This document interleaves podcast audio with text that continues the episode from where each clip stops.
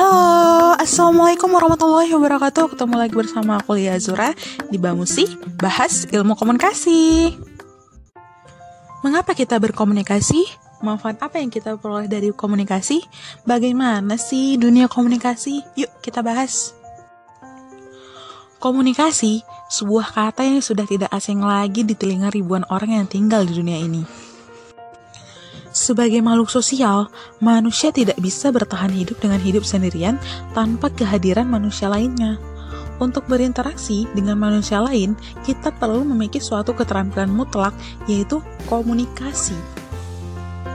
Setiap kali kita berbicara dengan orang lain, mengirim pesan melalui kolom chat, menyampaikan presentasi, mengangkat telepon, semua itu termasuk ke dalam bagian komunikasi. Lantas, apa sih pengertian komunikasi secara umum? Nah, komunikasi merupakan suatu proses yang mengacu pada kegiatan pertukaran informasi atau pesan antara dua orang atau lebih. Meskipun pengertian komunikasi tersebut terlihat cukup simpel, namun proses komunikasi yang ada ternyata tidak semudah yang kita bayangkan loh teman-teman. Gini deh, sahabat Bamusi, coba kamu bayangkan ketika kamu sedang membaca buku, apakah itu kamu sedang berkomunikasi? Atau ketika kamu sedang mendengarkan siaran podcast sekarang ini, apakah kamu sedang berkomunikasi? Atau ketika kamu mendengar musik favoritmu, apakah kamu berkomunikasi? Dan coba deh kamu ingat-ingat lagi ketika kamu berpas-pasan dan kamu memberikan senyuman kepada dosen di kampus kamu, atau senior di kampus kamu, atau bahkan penjaga parkir di kampus yang mana mereka sama sekali tidak mengenal kamu, tetapi mereka membalas dengan senyuman. Nah, apakah kalian sedang berkomunikasi? Sebelum menjawab pertanyaan tersebut, untuk itu kamu perlu memahami terlebih dahulu komunikasi secara umum. Nah, setelah itu kamu baru paham, oh ternyata komunikasi tidak sesederhana itu ya. Ada unsur-unsurnya juga, bahkan ada jenis-jenis komunikasi. Wah, komunikasi ada bentuk-bentuknya juga ternyata. Fungsi dan tujuan komunikasi juga spesifik sekali. Bahkan, orang yang sudah mahir dalam komunikasi sekalipun bisa mengalami hambatan komunikasi.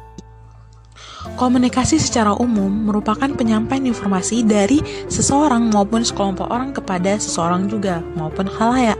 Nah, dengan media tertentu dan efek tertentu.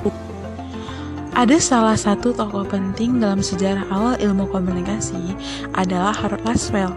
Laswell ini menyajikan suatu model komunikasi yang berbentuk sederhana Laswell menyatakan bahwa ada cara terbaik untuk menerangkan proses komunikasi. Nah, teman-teman penasaran kan?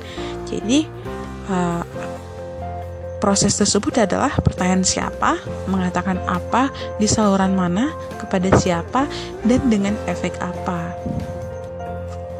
Nah, kemudian ada lima unsur komunikasi dan kelima unsur ini akan sering kita sebut-sebut dalam setiap episode podcast ini. Jadi, teman-teman tetap fokus dan coba pahami satu persatu. Unsur komunikasi yang pertama adalah komunikator. Hal ini untuk menjawab pertanyaan dari siapa.